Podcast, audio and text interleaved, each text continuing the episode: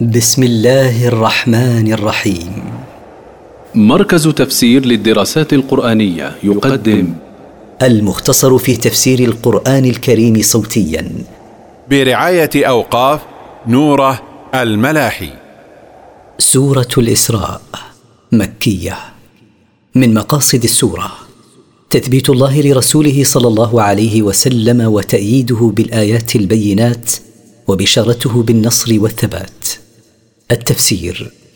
سبحان الذي أسرى بعبده ليلا من المسجد الحرام إلى المسجد الأقصى الذي باركنا حوله لنريه من آياتنا. إنه هو السميع البصير. تنزه الله سبحانه وتعظم لقدرته على ما لا يقدر عليه أحد سواه. فهو الذي سير عبده محمدا صلى الله عليه وسلم روحا وجسدا يقظة بجزء من الليل من المسجد الحرام إلى مسجد بيت المقدس الذي باركنا حوله بالثمار والزروع وبمنازل الأنبياء عليهم السلام ليرى بعض آياتنا الدالة على قدرة الله سبحانه. إنه هو السميع فلا يخفى عليه مسموع البصير فلا يخفى عليه مبصر. وآتينا موسى الكتاب وجعلناه هدى لبني إسرائيل ألا تتخذوا من دوني وكيلا.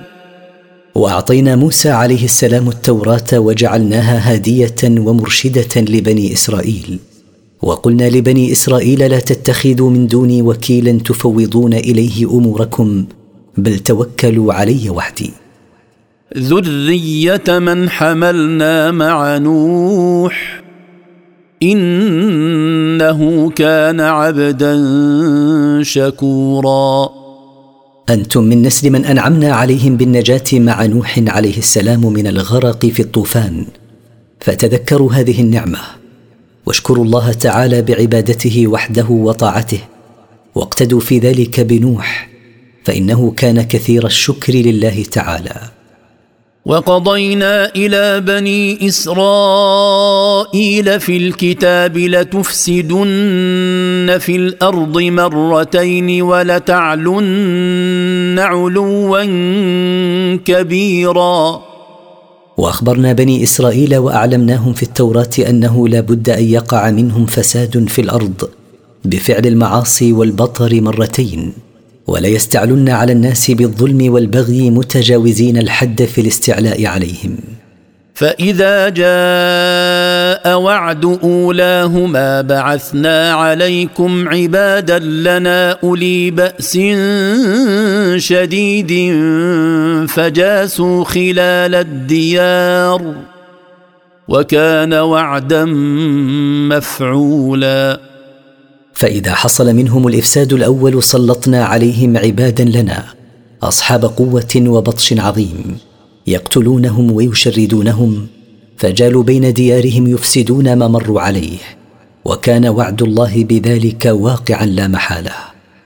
ثم رددنا لكم الكرة عليهم وأمددناكم بأموال وبنين. وأمددناكم بأموال وبنين وجعلناكم أكثر نفيرا. ثم أعدنا لكم يا بني إسرائيل الدولة والغلبة على من سلطوا عليكم عندما تبتم إلى الله.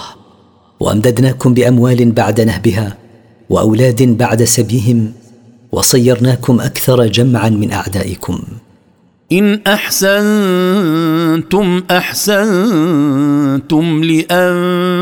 لأنفسكم وإن أسأتم فلها فإذا جاء وعد الآخرة ليسوءوا وجوهكم وليدخلوا المسجد وليدخلوا المسجد كما دخلوه أول مرة وليتبروا ما علوا تتبيرا. إن أحسنتم يا بني إسرائيل أعمالكم وجئتم بها على الوجه المطلوب فجزاء ذلك عائد لكم فالله غني عن أعمالكم. وإن أسأتم أفعالكم فعاقبة ذلك عليكم فالله لا ينفعه إحسان أفعالكم. ولا تضره إساءتها. فإذا حصل الإفساد الثاني سلطنا عليكم أعداءكم ليخزوكم ويجعل المساءة ظاهرة على وجوهكم لما يذيقونكم من صنوف الهوان وليدخلوا بيت المقدس ويخربوه كما دخلوه وخربوه المرة الأولى وليدمروا ما غلبوا عليه من البلاد تدميرا كاملا. عسى ربكم أن يرحمكم. وإن عدتم عدنا وجعلنا جهنم للكافرين حصيرا. عسى ربكم يا بني إسرائيل أن يرحمكم بعد هذا الانتقام الشديد إن تبتم إليه وأحسنتم أعمالكم. وإن رجعتم إلى الإفساد مرة ثالثة أو أكثر رجعنا إلى الانتقام منكم. وصيرنا جهنم للكافرين بالله فراشا ومهادا لا يتخلون عنه. إن هذا القرآن يهدي للتي هي أقوم ويبشر المؤمنين ويبشر المؤمنين الذين يعملون الصالحات أن لهم أجرا كبيرا. إن هذا القرآن المنزل على محمد صلى الله عليه وسلم يدل على أحسن السبل وهي سبيل الإسلام. ويخبر المؤمنين بالله الذين يعملون الأعمال الصالحات بما يسرهم وهو أن لهم ثوابا عظيما من الله. وأن الذين لا يؤمنون بالآخرة أعتدنا لهم عذابا اليما. ويخبر الذين لا يؤمنون بيوم القيامة بما يسوءهم وهو انا أعددنا لهم يوم القيامة عذابا موجعا. ويدعو الإنسان بالشر دعاءه بالخير وكان الإنسان عجولا. ويدعو الإنسان لجهله على نفسه وولده وماله عند الغضب بالشرور مثل دعائه لنفسه بالخير. فلو استجبنا دعاءه بالشر لهلك وهلك ماله وولده. وكان الإنسان مجبولا على العجلة ولذا فإنه قد يتعجل ما يضره. وجعلنا الليل والنهار آيتين. فمحونا آية الليل وجعلنا آية النهار مبصرة لتبتغوا فضلا من ربكم. لتبتغوا فضلا من ربكم ولتعلموا عدد السنين والحساب وكل شيء فصلناه تفصيلا. وخلقنا الليل والنهار علامتين دالتين على وحدانية الله وقدرته لما فيهما من الاختلاف في الطول والقصر والحرارة والبرودة.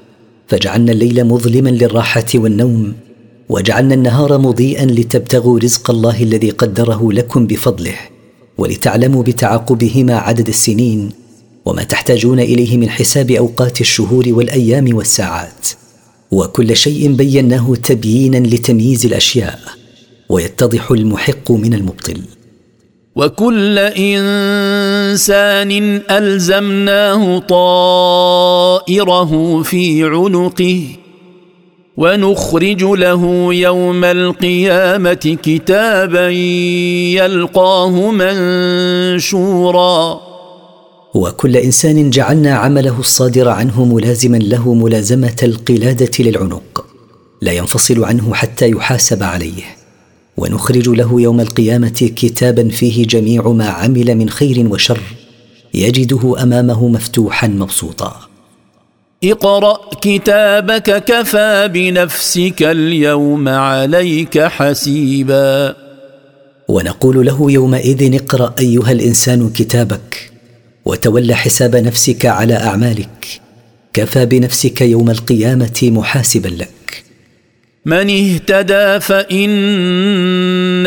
يهتدي لنفسه ومن ضل فإنما يضل عليها ولا تزر وازرة وزر أخرى وما كنا معذبين حتى نبعث رسولا. من اهتدى إلى الإيمان فثواب هدايته له ومن ضل فعقاب ضلاله عليه. ولا تتحمل نفس ذنب نفس أخرى. وما كنا معذبين قوما حتى نقيم عليهم الحجة بإرسال الرسل إليهم. وإذا أردنا أن نهلك قرية أمرنا متر فيها ففسقوا فيها فحق عليها القول.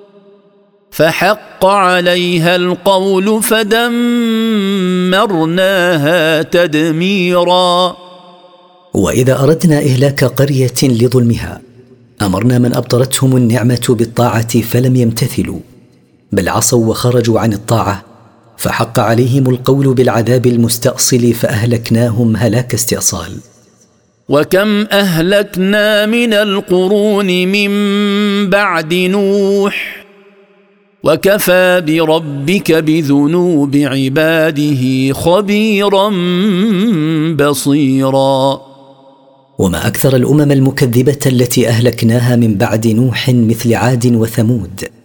وكفى بربك أيها الرسول بذنوب عباده خبيرا بصيرا. لا يخفى عليه منها شيء وسيجازيهم عليها. من كان يريد العاجله عجلنا له فيها ما نشاء لمن نريد. عجلنا له فيها ما نشاء لمن نريد ثم جعلنا له جهنم يصلاها مذموما مدحورا. من كان يقصد بأعمال البر الحياة الدنيا ولا يؤمن بالآخرة ولا يلقي لها بالا عجلنا له فيها ما نشاؤه نحن لا ما يشاؤه هو من نعيم لمن أردنا أن نفعل ذلك به. ثم جعلنا له جهنم يدخلها يوم القيامة يعاني حرها مذموما على اختياره الدنيا وكفره بالآخرة مطرودا من رحمة الله. ومن اراد الاخره وسعى لها سعيها وهو مؤمن فاولئك كان سعيهم مشكورا. ومن قصد ثواب الاخره باعمال البر وسعى لها سعيها الخالي من الرياء والسمعه وهو مؤمن بما اوجب الله الايمان به فاولئك المتصفون بتلك الصفات كان سعيهم مقبولا عند الله. وسيجازيهم عليه. كلا نمد هؤلاء وهؤلاء من عطاء ربك وما كان عطاء ربك محظورا. نزيد كلا من هذين الفريقين الفاجر والبر من عطاء ربك أيها الرسول دون انقطاع. وما كان عطاء ربك في الدنيا ممنوعا عن احد برا كان أو فاجرا.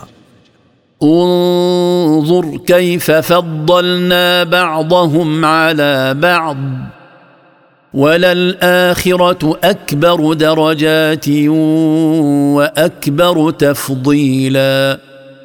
تامل ايها الرسول كيف فضلنا بعضهم على بعض في الدنيا في الرزق والمراتب.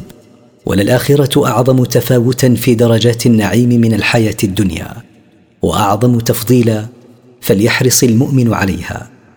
لا تجعل مع الله إلها آخر فتقعد مذموما مخذولا. لا تجعل أيها العبد مع الله معبودا آخر تعبده فتصير مذموما عند الله وعند عباده الصالحين لا حامد لك. مخذولا منه لا ناصر لك. وقضى ربك ألا تعبدوا إلا إياه وبالوالدين إحسانا. إما يبلغن عندك الكبر أحدهما أو كلاهما فلا تقل لهما أف فلا تقل لهما أف ولا تنهرهما وقل لهما قولا كريما. وأمر ربك أيها العبد وأوجب الا يعبد غيره. وأمر بالإحسان إلى الوالدين خاصة عند بلوغ الكبر. فإن بلغ أحد الوالدين الكبر أو بلغه كلاهما عندك فلا تتضجر منهما بالتفوه بما يدل على ذلك ولا تزجرهما ولا تغلظ عليهما في القول وقل لهما قولا كريما فيه لين ولطف. واخفض لهما جناح الذل من الرحمة وقل رب ارحمهما كما ربياني صغيرا. وتواضع لهما ذلا ورحمة بهما وقل يا رب ارحمهما رحمة لأجل تربيتهما إياي في صغري. ربكم أعلم بما في نفوسكم. إن تكونوا صالحين فإنه كان للأوابين غفورا. ربكم أيها الناس أعلم بما في ضمائركم من الإخلاص له في العبادة وأعمال الخير والبر بالوالدين. فإن كانت نياتكم في عبادتكم ومعاملتكم لوالديكم وغيرهما صالحة. فإنه سبحانه كان للرجاعين إليه بالتوبة غفورا. فمن تاب من تقصيره السابق في طاعته لربه أو لوالديه غفر الله له. وآت ذا القربى حقه والمسكين وابن السبيل ولا تبذر تبذيرا. وأعط أيها المؤمن القريب حقه من صلة رحمه. وأعط الفقير المحتاج. وأعط المنقطع في سفره. ولا تنفق مالك في معصية أو على وجه الإسراف. إن المبذرين كانوا إخوان الشياطين وكان الشيطان لربه كفورا. إن المنفقين أموالهم في المعاصي والمسرفين في الإنفاق كانوا إخوان الشياطين يطيعونهم فيما يأمرونهم به من التبذير والإسراف. وكان الشيطان لربه كفورا فلا يعمل إلا بما فيه معصية ولا يأمر إلا بما يسخط ربه. وإما تعرضن عنهم ابتغاء رحمة من ربك ترجوها فقل لهم قولا ميسورا. وإن امتنعت عن إعطاء هؤلاء لعدم وجود ما تعطيهم إياه منتظرا ما يفتح الله به عليك من رزق. فقل لهم قولا لينا سهلا مثل أن تدعو لهم بسعة الرزق أو تعدهم بالعطاء إن رزقك الله مالا. ولا تجعل يدك مغلولة إلى عنقك ولا تبسطها كل البسط فتقعد ملوما محسورا. ولا تمسك يدك عن الإنفاق ولا تسرف في الإنفاق. فتصير ملوما يلومك الناس على بخلك إن أمسكت يدك عن الإنفاق. منقطعا عن الإنفاق لإسرافك فلم تجد ما تنفقه. إن ربك يبسط الرزق لمن يشاء ويقدر. إنه كان بعباده خبيرا بصيرا. إن ربك يوسع الرزق على من يشاء ويضيقه على من يشاء لحكمة بالغة. إنه كان بعباده خبيرا بصيرا. لا يخفى عليه منهم شيء فيصرف أمره فيهم بما يشاء. ولا تقتلوا أولادكم خشية إملاق.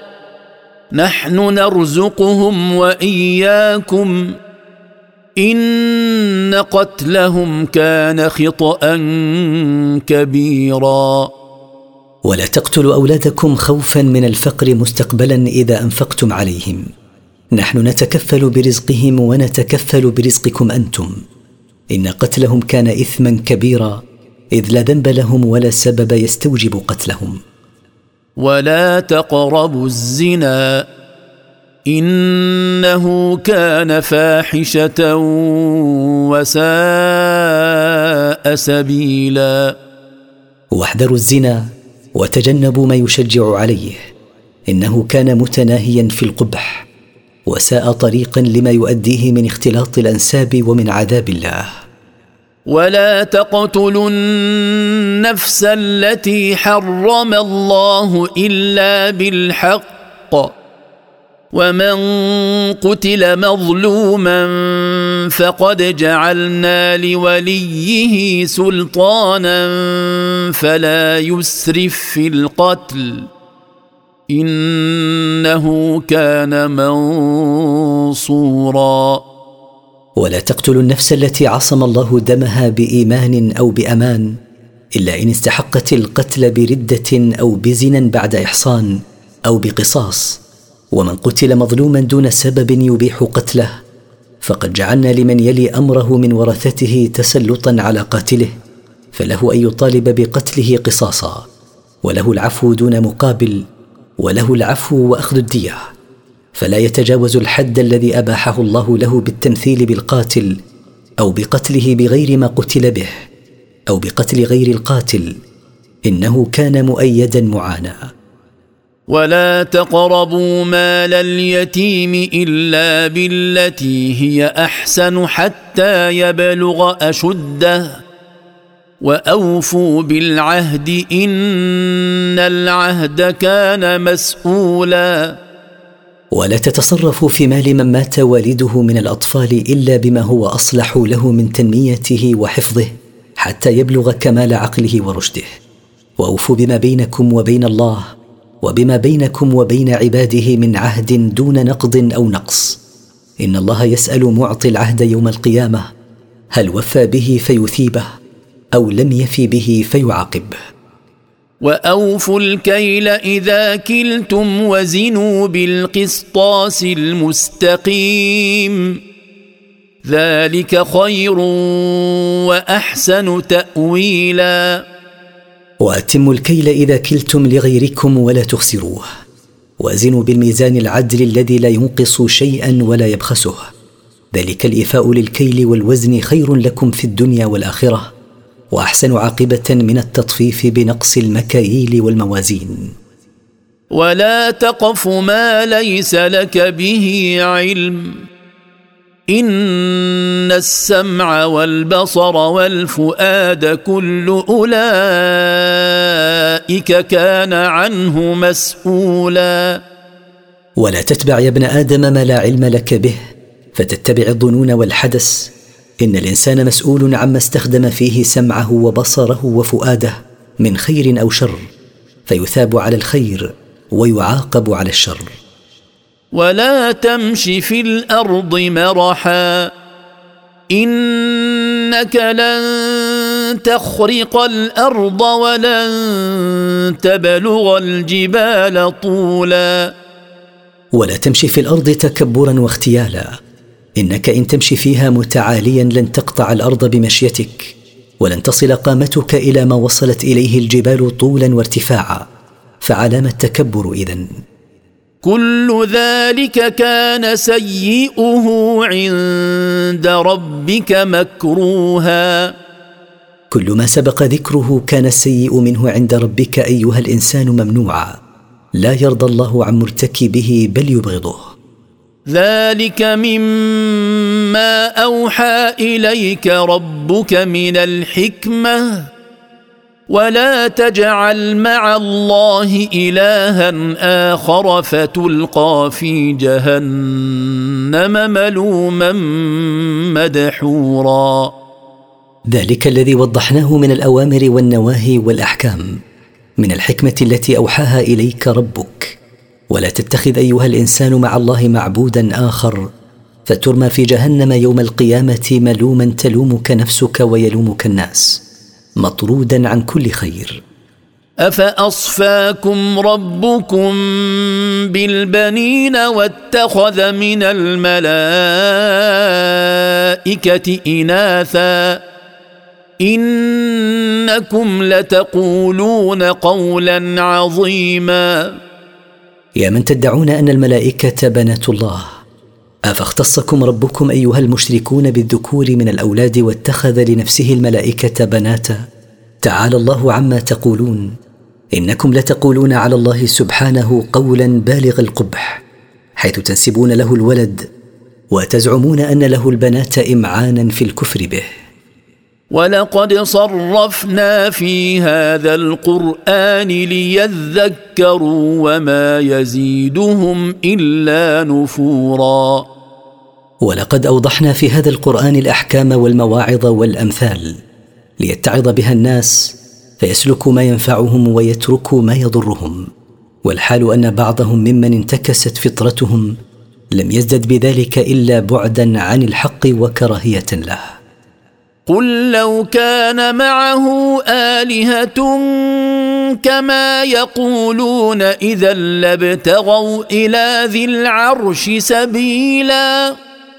قل أيها الرسول لهؤلاء المشركين لو كان مع الله تعالى معبودات كما يقولون افتراء وكذبا إذا لطلبت تلك المعبودات المزعومة إلى الله ذي العرش طريقا لتغالبه على ملكه وتنازعه فيه. سبحانه وتعالى عما يقولون علوا كبيرا. تنزه الله سبحانه وتقدس عما يصفه به المشركون وتعالى عما يقولونه علوا كبيرا. تسبح له السماوات السبع والأرض ومن فيهن. وان من شيء الا يسبح بحمده ولكن لا تفقهون تسبيحهم انه كان حليما غفورا. تسبح لله السماوات وتسبح لله الأرض ويسبح لله من في السماوات والارض من المخلوقات. وما من شيء إلا ينزهه قارنا تنزيهه إياه بالثناء. ولكن لا تفهمون كيفية تسبيحهم. فأنتم لا تفهمون إلا تسبيح من يسبح بلسانكم. إنه تعالى كان حليما لا يعاجل بالعقوبة. غفورا لمن تاب إليه. واذا قرات القران جعلنا بينك وبين الذين لا يؤمنون بالاخره حجابا مستورا واذا قرات ايها الرسول القران فسمعوا ما فيه من الزواجر والمواعظ. جعلنا بينك وبين الذين لا يؤمنون بيوم القيامه حجابا ساترا. يمنعهم من فهم القران عقابا لهم على اعراضهم. وجعلنا على قلوبهم أكنة أن يفقهوه وفي آذانهم وقرا. وإذا ذكرت ربك في القرآن وحده ولوا على أدبارهم نفورا. وصيرنا على قلوبهم أغطية حتى لا يفهموا القرآن. وصيرنا في آذانهم ثقلا حتى لا يسمعوه سماع انتفاع. وإذا ذكرت ربك في القرآن وحده ولم تذكر آلهتهم المزعومة رجعوا على أعقابهم متباعدين عن إخلاص التوحيد لله.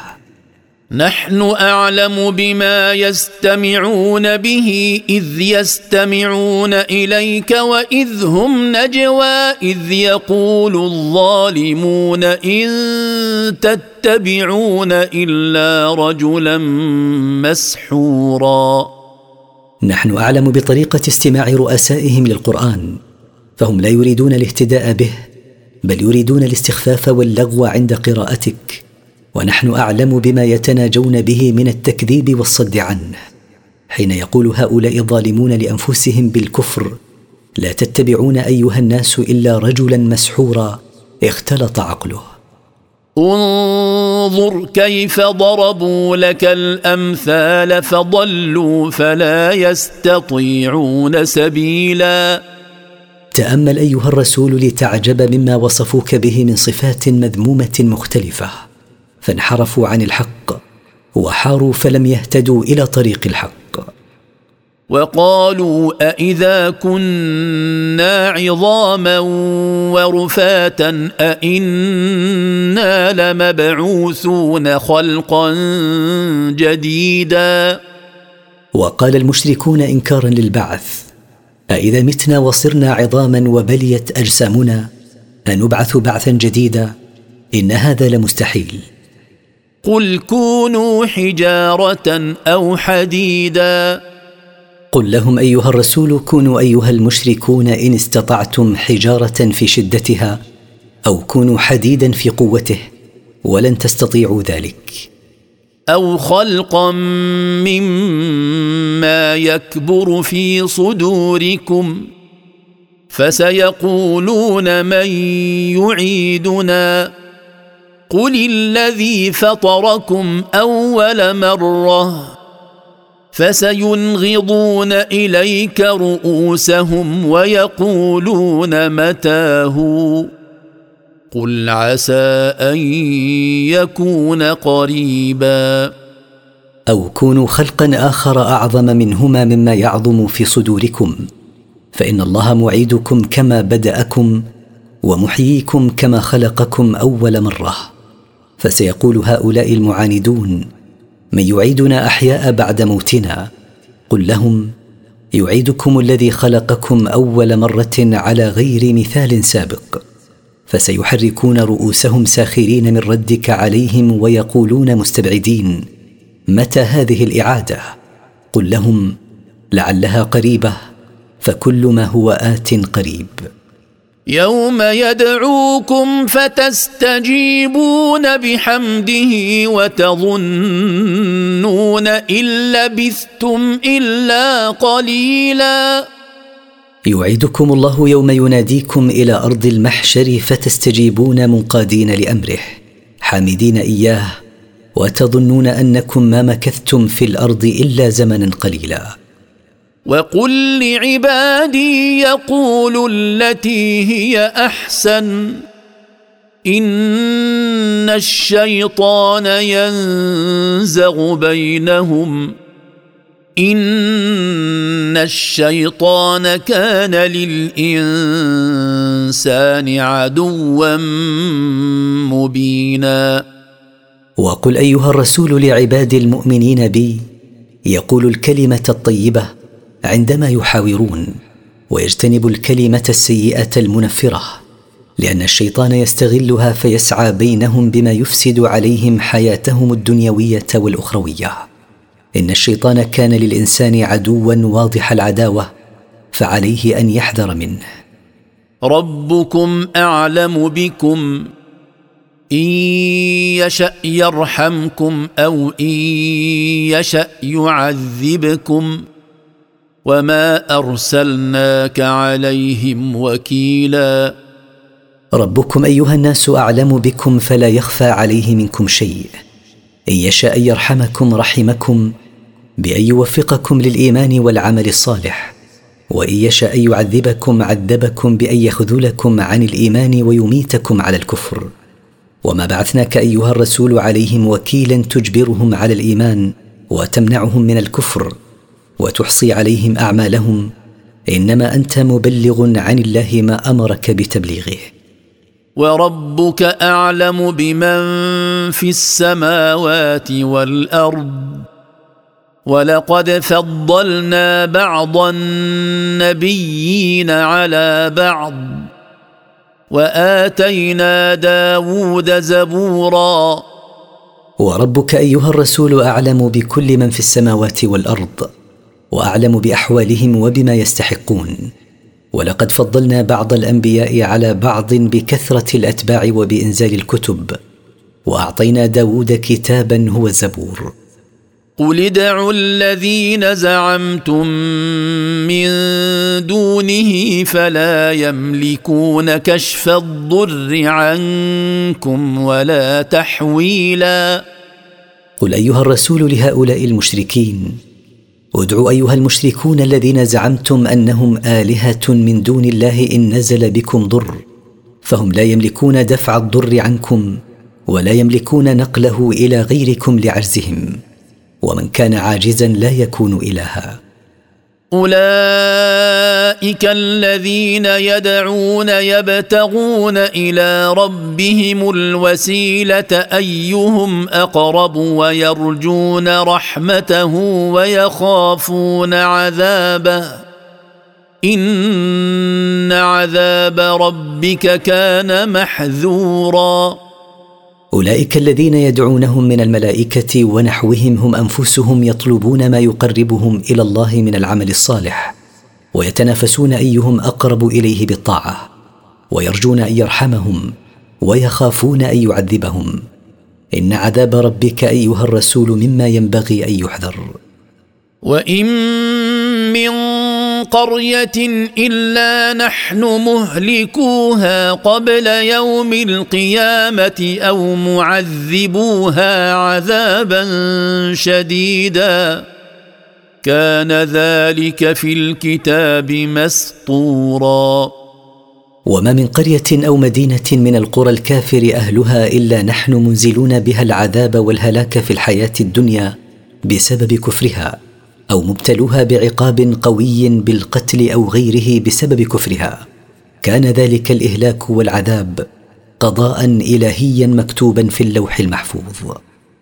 وما منعنا ان نرسل بالايات الا ان كذب بها الاولون وآتينا ثمود الناقة مبصرة فظلموا بها وما نرسل بالآيات إلا تخويفا. وما تركنا إنزال العلامات الحسية الدالة على صدق الرسول التي طلبها المشركون كأحياء الموتى ونحوه إلا لأننا أنزلناها على الأمم الأولى فكذبوا بها. فقد أعطينا ثمود آية عظيمة واضحة هي الناقة فكفروا بها فعاجلناهم بالعذاب. وما نبعث بالآيات على أيدي الرسل إلا تخويفا لأممهم لعلهم يسلمون. وإذ قلنا لك إن ربك أحاط بالناس وما جعلنا الرؤيا التي اريناك الا فتنه للناس والشجره الملعونه في القران ونخوفهم فما يزيدهم الا طغيانا كبيرا واذكر أيها الرسول إذ قلنا لك إن ربك أحاط بالناس قدرة فهم في قبضته. والله مانعك منهم. فبلغ ما أمرت بتبليغه وما جعلنا ما أريناك عيانا ليلة الإسراء إلا امتحانا للناس. هل يصدقون به أو يكذبون به؟ وما جعلنا شجرة الزقوم المذكورة في القرآن أنها تنبت في أصل الجحيم إلا ابتلاء لهم. فإذا لم يؤمنوا بهاتين الآيتين فلن يؤمنوا بغيرهما. ونخوفهم بإنزال الآيات فما يزدادون بالتخويف بإنزالها إلا زيادة في الكفر وتماديا في الضلال. وإذ قلنا للملائكة اسجدوا لآدم فسجدوا إلا إبليس قال أأسجد لمن خلقت طينا؟ واذكر أيها الرسول إذ قلنا للملائكة اسجدوا لآدم سجود تحية لا سجود عبادة. فامتثلوا وسجدوا كلهم له. لكن إبليس أبى تكبرا أن يسجد له قائلا أأسجد لمن خلقته من الطين وأنا خلقتني من النار فأنا أشرف منه. قال أرأيتك هذا الذي كرمت علي؟ لئن أخرتني إلى يوم القيامة لأحتنكن ذريته إلا قليلا. قال إبليس لربه أرأيت هذا المخلوق الذي كرمته علي بأمرك لي بالسجود له؟ لئن أبقيتني حيا إلى آخر الحياة الدنيا لأستميلن أولاده ولأغوينهم عن صراطك المستقيم إلا قليلا ممن عصمت منهم وهم عبادك المخلصون. قال اذهب فمن تبعك منهم فإن جهنم جزاؤكم جزاء موفورا. قال له ربه اذهب أنت ومن أطاعك منهم فإن جهنم هي جزاؤك وجزاؤهم جزاء كاملا موفرا على أعمالكم. واستفزز من استطعت منهم بصوتك وأجلب عليهم بخيلك ورجلك وشاركهم في الأموال والأولاد. وشاركهم في الأموال والأولاد وعدهم. وما يعدهم الشيطان إلا غرورا.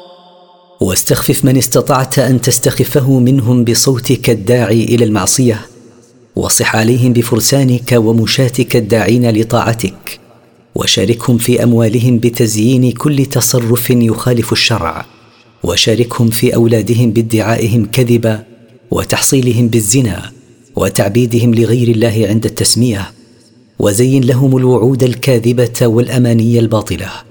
وما يعدهم الشيطان إلا الوعود الكاذبة التي تخدعهم. إن عبادي ليس لك عليهم سلطان. وكفى بربك وكيلا. إن عبادي المؤمنين العاملين بطاعتي ليس لك يا إبليس عليهم تسلط. لأن الله يدفع عنهم شرك وكفى بالله وكيلا لمن اعتمد عليه في أموره. ربكم الذي يزجي لكم الفلك في البحر لتبتغوا من فضله إنه كان بكم رحيما. ربكم أيها الناس هو الذي يسير لكم السفن في البحر رجاء أن تطلبوا رزقه بأرباح التجارة وغيرها إنه كان بكم رحيما حيث يسر لكم هذه الوسائل. واذا مسكم الضر في البحر ضل من تدعون الا اياه فلما نجاكم إلى البر اعرضتم وكان الانسان كفورا واذا اصابكم ايها المشركون بلاء ومكروه في البحر حتى خشيتم الهلاك غاب عن خاطركم ما كنتم تعبدون من دون الله ولم تذكروا إلا الله فاستغثتم به فلما أغاثكم وسلمكم مما تخافونه وصرتم في البر أعرضتم عن توحيده ودعائه وحده ورجعتم إلى أصنامكم وكان الإنسان جحودا لنعم الله.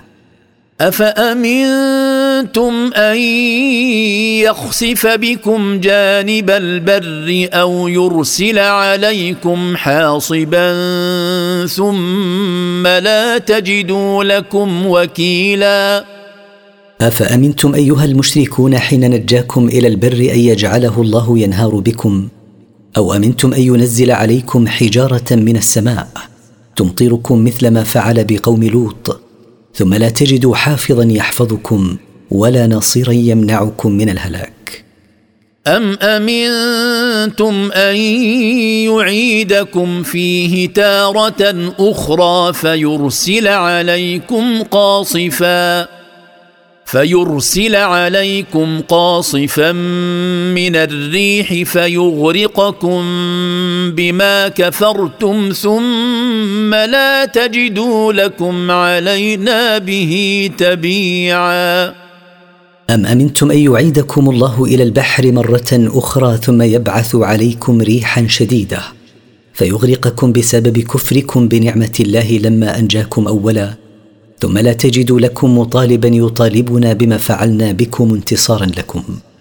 ولقد كرمنا بني آدم وحملناهم في البر والبحر ورزقناهم من الطيبات وفضلناهم على كثير ممن خلقنا تفضيلاً. ولقد كرمنا ذرية آدم بالعقل وإسجاد الملائكة لأبيهم وغير ذلك وسخرنا لهم ما يحملهم في البر من الدواب والمراكب وما يحملهم في البحر من السفن ورزقناهم من طيبات المآكل والمشارب والمناكح وغيرها وفضلناهم على كثير من مخلوقاتنا تفضيلا عظيما فعليهم أن يشكروا نعم الله عليهم. يوم ندعو كل أناس بإمامهم فمن أوتي كتابه بيمينه فأولئك يقرؤون كتابهم ولا يظلمون فتيلا. واذكر أيها الرسول يوم ننادي كل مجموعة بإمامها الذي كانت تقتدي به في الدنيا. فمن أعطي كتاب عمله بيمينه فأولئك يقرؤون كتبهم مسرورين ولا ينقصون من أجورهم شيئا. وإن بلغ في صغره قدر الخيط الذي في شق النواة. ومن كان في هذه أعمى فهو في الآخرة أعمى وأضل سبيلا. ومن كان في هذه الحياة الدنيا أعمى القلب عن قبول الحق والإذعان له. فهو يوم القيامة أشد عمى فلا يهتدي لطريق الجنة وأضل طريقا عن الهداية والجزاء من جنس العمل. وإن كادوا ليفتنونك عن الذي أوحينا إليك لتفتري علينا غيره وإذا لاتخذوك خليلا ولقد أوشك المشركون أن يصرفوك أيها الرسول عما أوحينا إليك من القرآن لتختلق علينا غيره مما يوافق أهواءهم ولو فعلت ما أرادوا من ذلك لاصطفوك حبيبا. ولولا أن ثبتناك لقد كدت تركن إليهم شيئا قليلا. ولولا أن مننا عليك بالتثبيت على الحق لقد أوشكت أن تميل إليهم بعض الميل فتوافقهم فيما اقترحوه عليك لقوة خداعهم وشدة احتيالهم مع فرط حرصك على إيمانهم لكن عصمناك من الميل إليهم. إذا لأذقناك ضعف الحياة وضعف الممات ثم لا تجد لك علينا نصيرا. ولو ملت إليهم فيما يقترحون عليك لأصبناك بعذاب مضاعف في الحياة الدنيا وفي الآخرة. ثم لا تجد نصيرا يناصرك علينا ويدفع عنك العذاب. وإن كادوا ليستفزونك من الأرض ليخرجوك منها وإذا لا يلبثون خلافك إلا قليلا. ولقد أوشك الكفار أن يزعجوك بعداوتهم إياك ليخرجوك من مكة. لكن منعهم الله من إخراجك حتى هاجرت بأمر ربك. ولو أخرجوك لم يبقوا بعد إخراجك إلا زمنا يسيرا. سنه من قد ارسلنا قبلك من رسلنا. ولا تجد لسنتنا تحويلا. ذلك الحكم بعدم بقائهم بعدك إلا زمنا يسيرا. سنة الله المضطردة في الرسل من قبلك وهي أن أي رسول أخرجه قومه من بينهم أنزل الله بهم العذاب.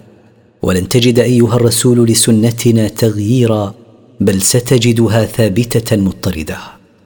أقم الصلاة لدلوك الشمس إلى غسق الليل وقرآن الفجر. إن قرآن الفجر كان مشهودا. أقم الصلاة بالإتيان بها على أتم وجه في أوقاتها من زوال الشمس عن كبد السماء ويشمل ذلك صلاة الظهر والعصر إلى ظلمة الليل وتشمل المغرب والعشاء. وأقم صلاة الفجر وأطل القراءة فيها فصلاة الفجر تحضرها ملائكة الليل وملائكة النهار. ومن الليل فتهجد به نافلة لك عسى أن يبعثك ربك مقاما محمودا. ومن الليل فقم أيها الرسول وصل بعضا منه لتكون صلاتك زيادة لك في رفع درجاتك متحريا أن يبعثك ربك يوم القيامة شافعا للناس مما هم فيه من أهوال يوم القيامة. ويكون لك مقام الشفاعة العظمى الذي يحمده الأولون والآخرون. وقل رب أدخلني مدخل صدق وأخرجني مخرج صدق واجعل لي من لدنك سلطانا نصيرا. وقل أيها الرسول رب اجعل مداخلي ومخارجي كلها في طاعتك وعلى مرضاتك. واجعل لي من عندك حجة ظاهرة تنصرني بها على عدوي. وقل جاء الحق وزهق الباطل. إن الباطل كان زهوقا. وقل أيها الرسول لهؤلاء المشركين جاء الإسلام وتحقق ما وعد الله به من نصره وذهب الشرك والكفر إن الباطل ذاهب متلاش لا يثبت أمام الحق. وننزل من القرآن ما هو شفاء ورحمة للمؤمنين ولا يزيد الظالمين إلا خسارا. وننزل من القرآن ما هو شفاء للقلوب من الجهل والكفر والشك. وما هو شفاء للأبدان إذا رقيت به. وما هو رحمه للمؤمنين العاملين به. ولا يزيد هذا القران الكفار الا هلاكا لأن سماعه يغيظهم ويزيدهم تكذيبا واعراضا عنه. واذا انعمنا على الانسان اعرض وناى بجانبه واذا مسه الشر كان يئوسا وإذا أنعمنا على الإنسان بنعمة مثل الصحة والغنى أعرض عن شكر الله وطاعته وتباعد تكبرا. وإذا أصابه مرض أو فقر ونحوهما كان شديد القنوط واليأس من رحمة الله. قل كل يعمل على شاكلته فربكم أعلم بمن هو أهدى سبيلا. قل أيها الرسول كل إنسان يعمل على طريقته التي تشابه حاله في الهداية والضلال. فربكم أعلم بمن هو أهدى طريقا إلى الحق. ويسألونك عن الروح. قل الروح من أمر ربي وما أوتيتم من العلم إلا قليلا. ويسألك أيها الرسول الكفار من أهل الكتاب عن حقيقة الروح. فقل لهم لا يعلم حقيقة الروح إلا الله وما أعطيتم أنتم وجميع الخلق من العلم إلا قليلا في جنب علم الله سبحانه. ولئن شئنا لنذهبن بالذي أوحينا إليك ثم لا تجد لك به علينا وكيلا. والله لو شئنا الذهاب بالذي أنزلنا إليك أيها الرسول من الوحي بمحوه من الصدور والكتب لذهبنا به ثم لا تجد من ينصرك ويتولى رده. إلا رحمة من ربك إن فضله كان عليك كبيرا. لكن لم نذهب به رحمة من ربك وتركناه محفوظا. إن فضل ربك كان عليك عظيما حيث جعلك رسولا وختم بك الأنبياء وأنزل عليك القرآن. ولما كان المشركون يتذرعون بأن هذا القرآن من جنس ما يقوله البشر واقترحوا تبديله تحداهم الله بالإتيان بمثله فقال قل لئن اجتمعت الانس والجن على ان ياتوا بمثل هذا القران لا ياتون بمثله ولو كان بعضهم لبعض ظهيرا.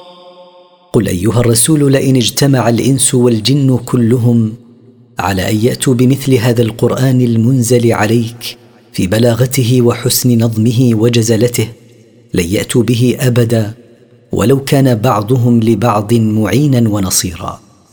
ولقد صرفنا للناس في هذا القرآن من كل مثل فأبى أكثر الناس إلا كفورا. ولقد بينا للناس في هذا القرآن ونوعنا فيه من كل ما يعتبر به من المواعظ والعبر والأوامر والنواهي والقصص. رجاء أن يؤمنوا فأبى معظم الناس إلا جحودا وإنكارا لهذا القرآن.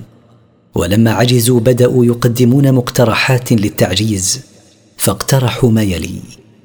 وقالوا لن نؤمن لك حتى تفجر لنا من الأرض ينبوعا. وقال المشركون لن نؤمن بك حتى تخرج لنا من أرض مكة. عينا جارية لا تنضب. أو تكون لك جنة من نخيل وعنب فتفجر الأنهار خلالها تفجيرا. أو يكون لك بستان من نخيل وعنب فتجري فيه الأنهار بغزارة. أو تسقط السماء كما زعمت علينا كسفا أو تأتي بالله والملائكة قبيلا. أو تسقط علينا السماء كما ذكرت قطعا من العذاب. أو تجيء بالله والملائكة عيانا حتى يشهدوا لك بصحة ما تدعيه.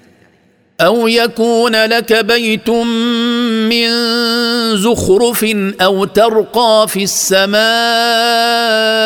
ولن نؤمن لرقيك حتى تنزل علينا كتابا نقرأه.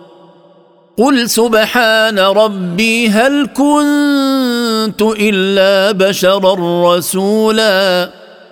أو يكون لك بيت مزخرف بالذهب وغيره. أو تصعد في السماء. ولن نؤمن بأنك مرسل إن صعدت إليها إلا إذا نزلت بكتاب من عند الله مسطور.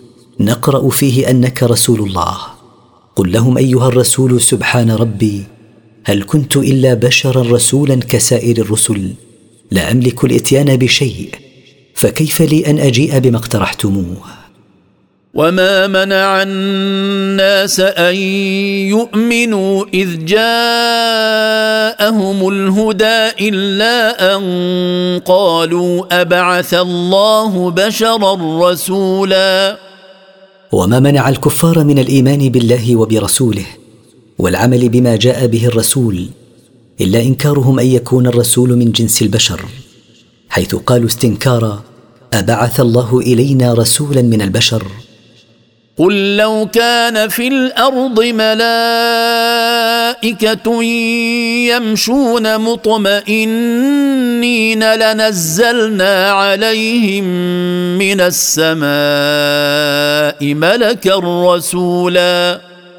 قل أيها الرسول ردا عليهم لو كان على الأرض ملائكة يسكنونها ويسيرون مطمئنين كما هو حالكم لبعثنا إليهم رسولا ملكا من جنسهم. لأنه الذي يستطيع أن يفهمهم ما أرسل به. فليس من الحكمة أن نرسل إليهم رسولا من جنس البشر. وكذلك حالكم أنتم. قل كفى بالله شهيدا بيني وبينكم. إنه كان بعباده خبيرا بصيرا. قل أيها الرسول كفى بالله شاهدا بيني وبينكم. أني رسول إليكم وأني بلغتكم ما أرسلت به إليكم. إنه كان بأحوال عباده محيطا لا يخفى عليه منها شيء بصيرا بكل خفايا نفوسهم. ومن يهد الله فهو المهتد ومن يضلل فلن تجد لهم أولياء من دونه. ونحشرهم يوم القيامة على وجوههم عميا وبكما وصما. مأواهم جهنم. كلما خبت زدناهم سعيرا. ومن يوفقه الله للهداية فهو المهتدي حقا. ومن يخذله عنها ويضله فلن تجد أيها الرسول لهم أولياء يهدونهم إلى الحق ويدفعون عنهم الضر ويجلبون لهم النفع ونحشرهم يوم القيامة يسحبون على وجوههم لا يبصرون ولا ينطقون ولا يسمعون. منزلهم الذي يأوون إليه جهنم كلما سكن لهيبها زدناهم اشتعالا. ذلك جزاؤهم بأنهم كفروا بآياتنا وقالوا أإذا كنا عظاما ورفاتا وقالوا أإذا كنا عظاما ورفاتا أإنا لمبعوثون خلقا جديدا ذلك العذاب الذي يلقونه هو جزاؤهم بسبب كفرهم بآياتنا المنزلة على رسولنا وبقولهم استبعادا للبعث. أإذا متنا وصرنا عظاما بالية وأجزاء مفتتة أنبعث بعد ذلك خلقا جديدا. ولما ذكروا ما يتشبثون به لإنكار البعث رد الله عليهم بقوله أولم يروا أن الله الذي خلق السماوات والأرض قادر على أن يخلق مثلهم ؟ وجعل لهم اجلا لا ريب فيه فابى الظالمون الا كفورا اولم يعلم هؤلاء المنكرون للبعث ان الله الذي خلق السماوات وخلق الأرض على عظمهما قادر على أن يخلق مثلهم فمن قدر على خلق ما هو عظيم قادر على خلق ما دونه. وقد جعل الله لهم في الدنيا وقتا محددا تنتهي فيه حياتهم وجعل لهم اجلا لبعثهم لا شك فيه. ومع ظهور أدلة البعث أبى المشركون إلا جحودا بالبعث مع وضوح أدلته. قل لو أنتم تملكون خزائن رحمة ربي إذا لأمسكتم خشية الإنفاق وكان الإنسان قتورا. قل أيها الرسول لهؤلاء المشركين لو كنتم تملكون خزائن رحمة ربي التي لا تنفد ولا تنقضي إذا لم تنعتم من إنفاقها خوفا من نفادها. حتى لا تصبحوا فقراء. ومن طبع الإنسان أنه بخيل إلا إن كان مؤمنا فهو ينفق رجاء ثواب الله. ولما لقي النبي صلى الله عليه وسلم من المشركين ما لقي من التكذيب جاءت تسليته بقصة موسى مع فرعون وقومه فقال ولقد آتينا موسى تسع آيات بينات فاسأل بني إسرائيل إذ جاءهم فقال له فرعون إني لأظنك يا موسى مسحورا. ولقد أعطينا موسى تسع دلائل واضحة تشهد له وهي العصا واليد والسنون ونقص الثمرات والطوفان والجراد والقمل والضفادع والدم. فاسأل أيها الرسول اليهود حين جاء موسى أسلافهم بتلك الآيات. فقال له فرعون إني لأظنك يا موسى رجلا مسحورا لما تأتي به من الغرائب؟ قال لقد علمت ما أنزل هؤلاء إلا رب السماوات والأرض بصائر وإني لأظنك واني لاظنك يا فرعون مثبورا. قال موسى ردا عليه لقد ايقنت يا فرعون انه ما انزل هذه الايات الا الله رب السماوات والارض. انزلهن دلالات على قدرته وعلى صدق رسوله. ولكنك جحدت واني لاعلم انك يا فرعون هالك خاسر. فأراد أن يستفزهم من الأرض فأغرقناه ومن معه جميعا. فأراد فرعون أن يعاقب موسى عليه السلام وقومه بإخراجهم من مصر فأهلكناه ومن كان معه من جنوده جميعا بالغرق. وقلنا من بعده لبني إسرائيل اسكنوا الأرض فإذا جاء وعد الآخرة جئنا بكم لفيفا. وقلنا من بعد إهلاك فرعون وجنوده لبني إسرائيل اسكنوا أرض الشام فإذا كان يوم القيامة أتينا بكم جميعا إلى المحشر للحساب. وبالحق أنزلناه وبالحق نزل وما أرسلناك إلا مبشرا ونذيرا. وبالحق أنزلنا هذا القرآن على محمد صلى الله عليه وسلم وبالحق نزل عليه دون تبديل ولا تحريف. وما أرسلناك أيها الرسول إلا مبشرا أهل التقوى بالجنة ومخوفا أهل الكفر والعصيان من النار. وقرآنا فرقناه لتقرأه على الناس على مكث ونزلناه تنزيلا. وأنزلناه قرآنا فصلناه وبيناه. رجاء أن تقرأه على الناس على مهل وترسل في التلاوة لأنه أدعى للفهم والتدبر ونزلناه منجما مفرقا حسب الحوادث والأحوال. قل امنوا به أو لا تؤمنوا ان الذين اوتوا العلم من قبله اذا يتلى عليهم يخرون للاذقان سجدا. قل ايها الرسول امنوا به فلا يزيده ايمانكم شيئا أو لا تؤمنوا به فلا ينقصه كفركم شيئا. ان الذين قرأوا الكتب السماويه السابقه وعرفوا الوحي والنبوة. إذا يقرأ عليهم القرآن يخرون على وجوههم ساجدين لله شكرا. ويقولون سبحان ربنا إن كان وعد ربنا لمفعولا. ويقولون في سجودهم تنزه ربنا عن خلف الوعد فما وعد به من بعثة محمد صلى الله عليه وسلم كائن إن وعد ربنا بذلك وبغيره لواقع لا محالة. ويخرون للأذقان يبكون ويزيدهم خشوعا.